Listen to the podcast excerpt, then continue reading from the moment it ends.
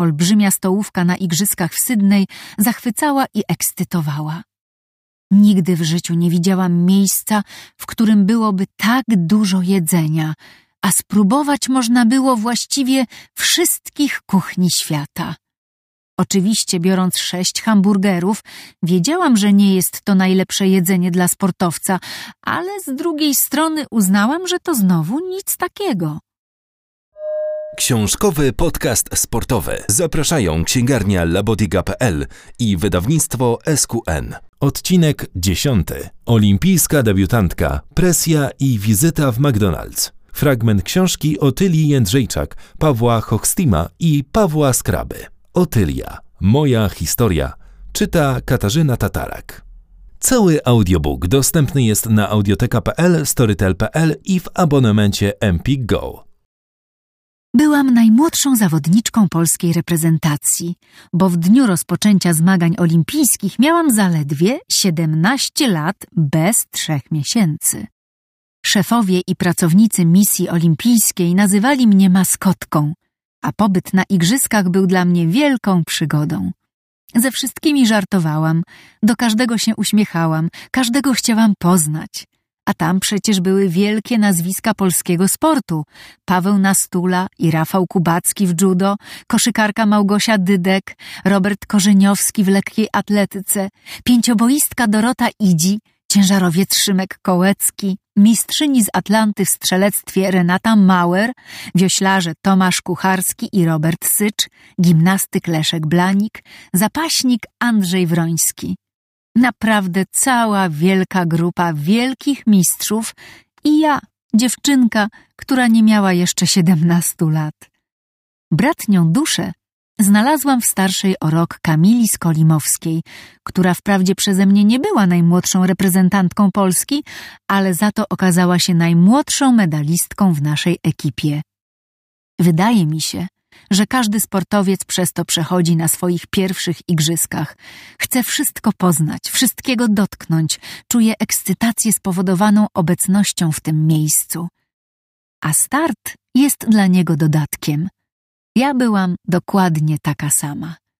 W moim przypadku chyba świetnie się stało, że w tak młodym wieku pojechałam na igrzyska, bo na pewno miało to wpływ na to, co się stało cztery lata później. Podczas igrzysk w Sydney pierwszy raz zderzyłam się z dziennikarzami, na razie jeszcze w bardzo delikatnej formie i nieco zabawnie. Jeden z pierwszych artykułów poświęconych mojej obecności na igrzyskach w Sydney został zatytułowany Otylia nie śpi sama. Chodziło o wielkiego misia, którego kupiłam na lotnisku gdzieś w Azji w czasie międzylądowania. Sensacji więc żadnej nie było, ale tytuł sugerował coś przeciwnego. Wioska olimpijska to najczęściej kilka lub kilkanaście wysokich wieżowców, gdzie można upchnąć większą liczbę zawodników. W Sydney organizatorzy igrzysk poszli w inną stronę. Zbudowali osiedle domków w niskiej zabudowie, za to olbrzymie. I w takich niskich domkach mieszkaliśmy. Ja konkretnie mieszkałam w garażu, który dzieliłam z inną pływaczką, Olą Miciul, też młodziutką, bo nie miała jeszcze skończonych osiemnastu lat. Nasza pływacka reprezentacja liczyła w sumie osiem osób. Cztery dziewczyny i czterech chłopaków. Najczęściej zawodnicy z danej dyscypliny trzymają się razem i u nas też tak było, ale ciekawość mnie zżerała. Podróżowałam po tej wiosce bardzo dużo. Po kilku dniach wiedziałam już o niej wszystko. Gdzie jest sklep, gdzie siłownia, a gdzie McDonald. Nie bez powodu byłam nazywana maskotką reprezentacji. Zawsze byłam uśmiechnięta, dużo żartowałam. Nawet jeden z masażystów, który najwyraźniej nie miał dystansu, zwrócił mi uwagę, żebym zaczęła się koncentrować, bo moje żarty mogą być przez innych źle zrozumiane. Do wioski ze względu na fakt, że igrzyska odbywały się na drugim końcu świata i musieliśmy się odpowiednio zaadaptować, mówi się, że godzina w różnicy czasu to jeden dzień adaptacji, przyjechaliśmy dwa tygodnie przed startem. Naprawdę było więc sporo czasu na poznanie wioski i otoczenia. Książkowy podcast sportowy znajdziecie na YouTubie oraz platformach streamingowych Anchor, Breaker, Google Podcast, Pocket Cast, Radio Public i Spotify. Zachęcamy do zasubskrybowania na nich kanałów wydawnictwa SQN. Nie przegapicie w ten sposób żadnego nowego odcinka. Dziękujemy. Moim pierwszym startem była rywalizacja na 100 metrów delfinem. Do finału zabrakło mi wtedy jednej setnej sekundy. Jedna setna to jest centymetr, może nawet nie. Byłam wściekła. Najbardziej zezłościł mnie fakt, że przegrałam z Rumunką z mojego rocznika, która weszła do finału jako ostatnia. Boże, jak mogło mi braknąć jednej setnej sekundy? Jednej setnej, takiego ułamka, na który nigdy nie zwracasz uwagi w normalnym życiu. Weszłam pod prysznic i potrzebowałam w spokoju to przegryźć. Niestety nie rozumiała tego Marysia, która weszła do łazienki i zaczęła mnie pocieszać, mówiąc, że było dobrze i żebym się nie denerwowała. Wtedy pierwszy raz w życiu zaklełam do trenera. Jako szesnastoletnia dziewczynka powiedziałam do niej Niech mi tu trenerka kurwa nie pierdoli, że nic się nie stało. Stało się! Bo się stało. W pływaniu mają znaczenie niuanse.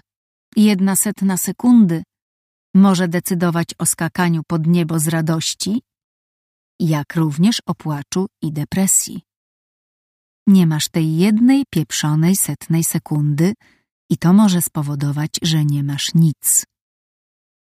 Wróciłam do wioski, gdzie zamierzałam, jak to się mówi, pójść w długą.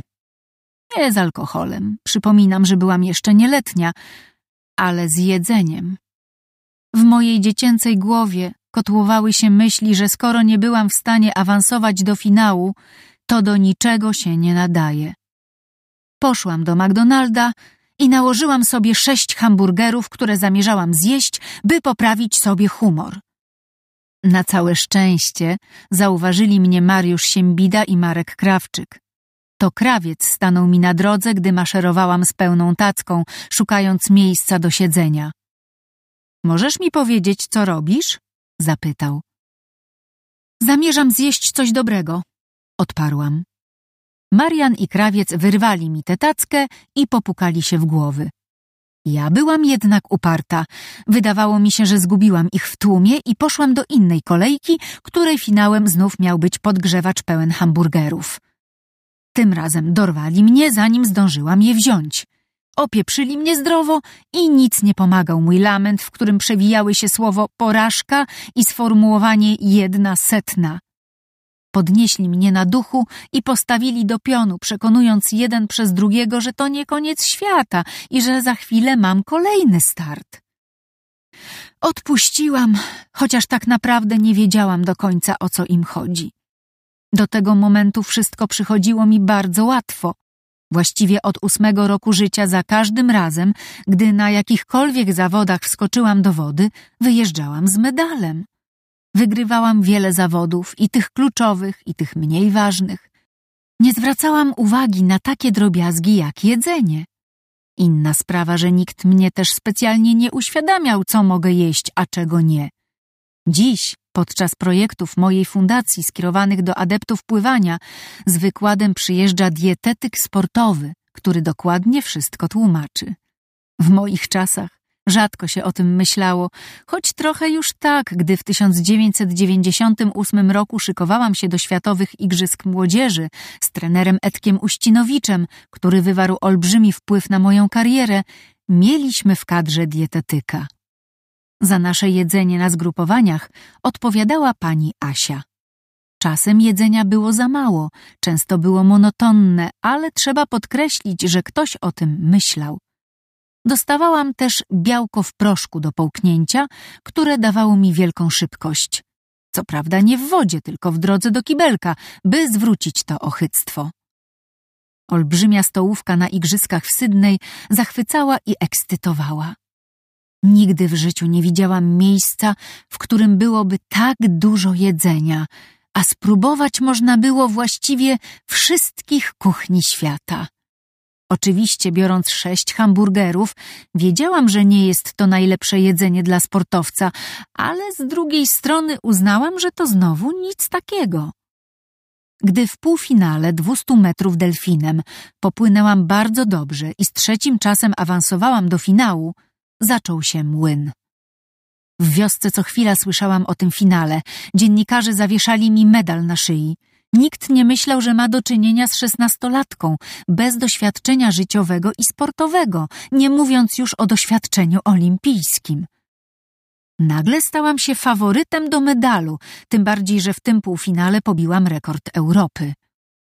Nie wiem, czy prawdziwy sport jeszcze istnieje, czy już został zniszczony przez jego potworną komercjalizację, ale w 2000 roku na pewno jeszcze istniał.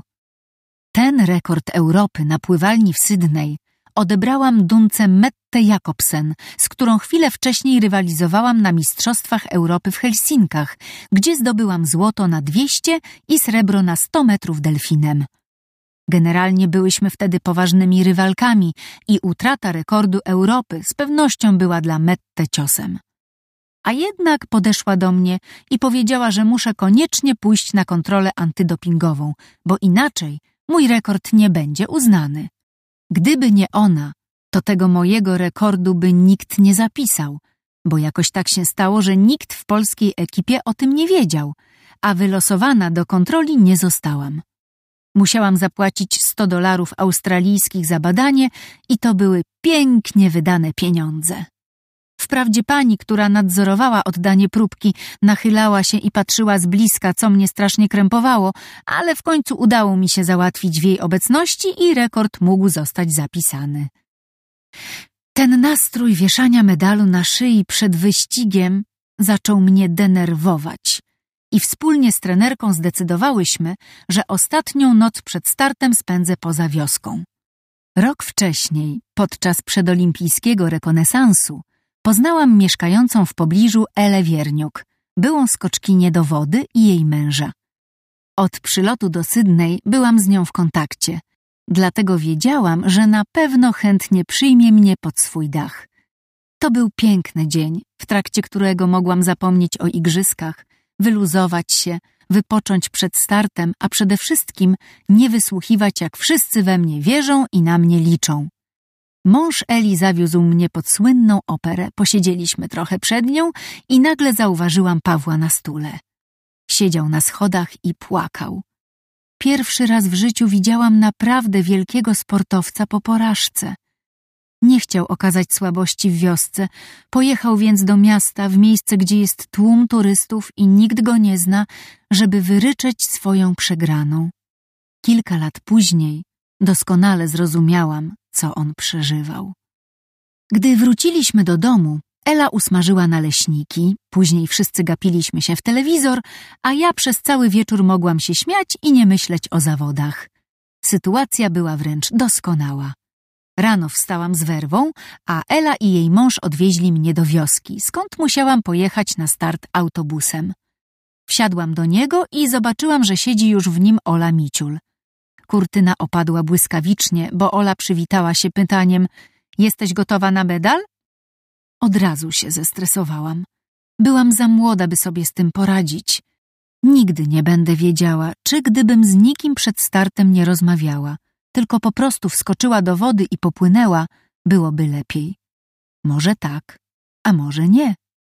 Nie miałam wtedy jeszcze pani Beaty, nie miałam żadnych metod walki ze stresem. Byłam za młoda, i za bardzo przeżywałam olimpijską atmosferę. Igrzyska w Sydney były pod tym względem dla mnie szczególne, bo pierwszy raz w życiu naprawdę denerwowałam się przed startem. Próbowałam się uspokajać, sama do siebie mówiłam, że jestem jak mała rybka w stawie. Na pływalni raz po raz mijałam się ze słynnymi pływakami, a to obok stanął Ian Thorpe, a to Michał Klim, którego poznałam już rok wcześniej. Na igrzyskach zakumplowałam się dość mocno z Zara Pewe z Niemiec.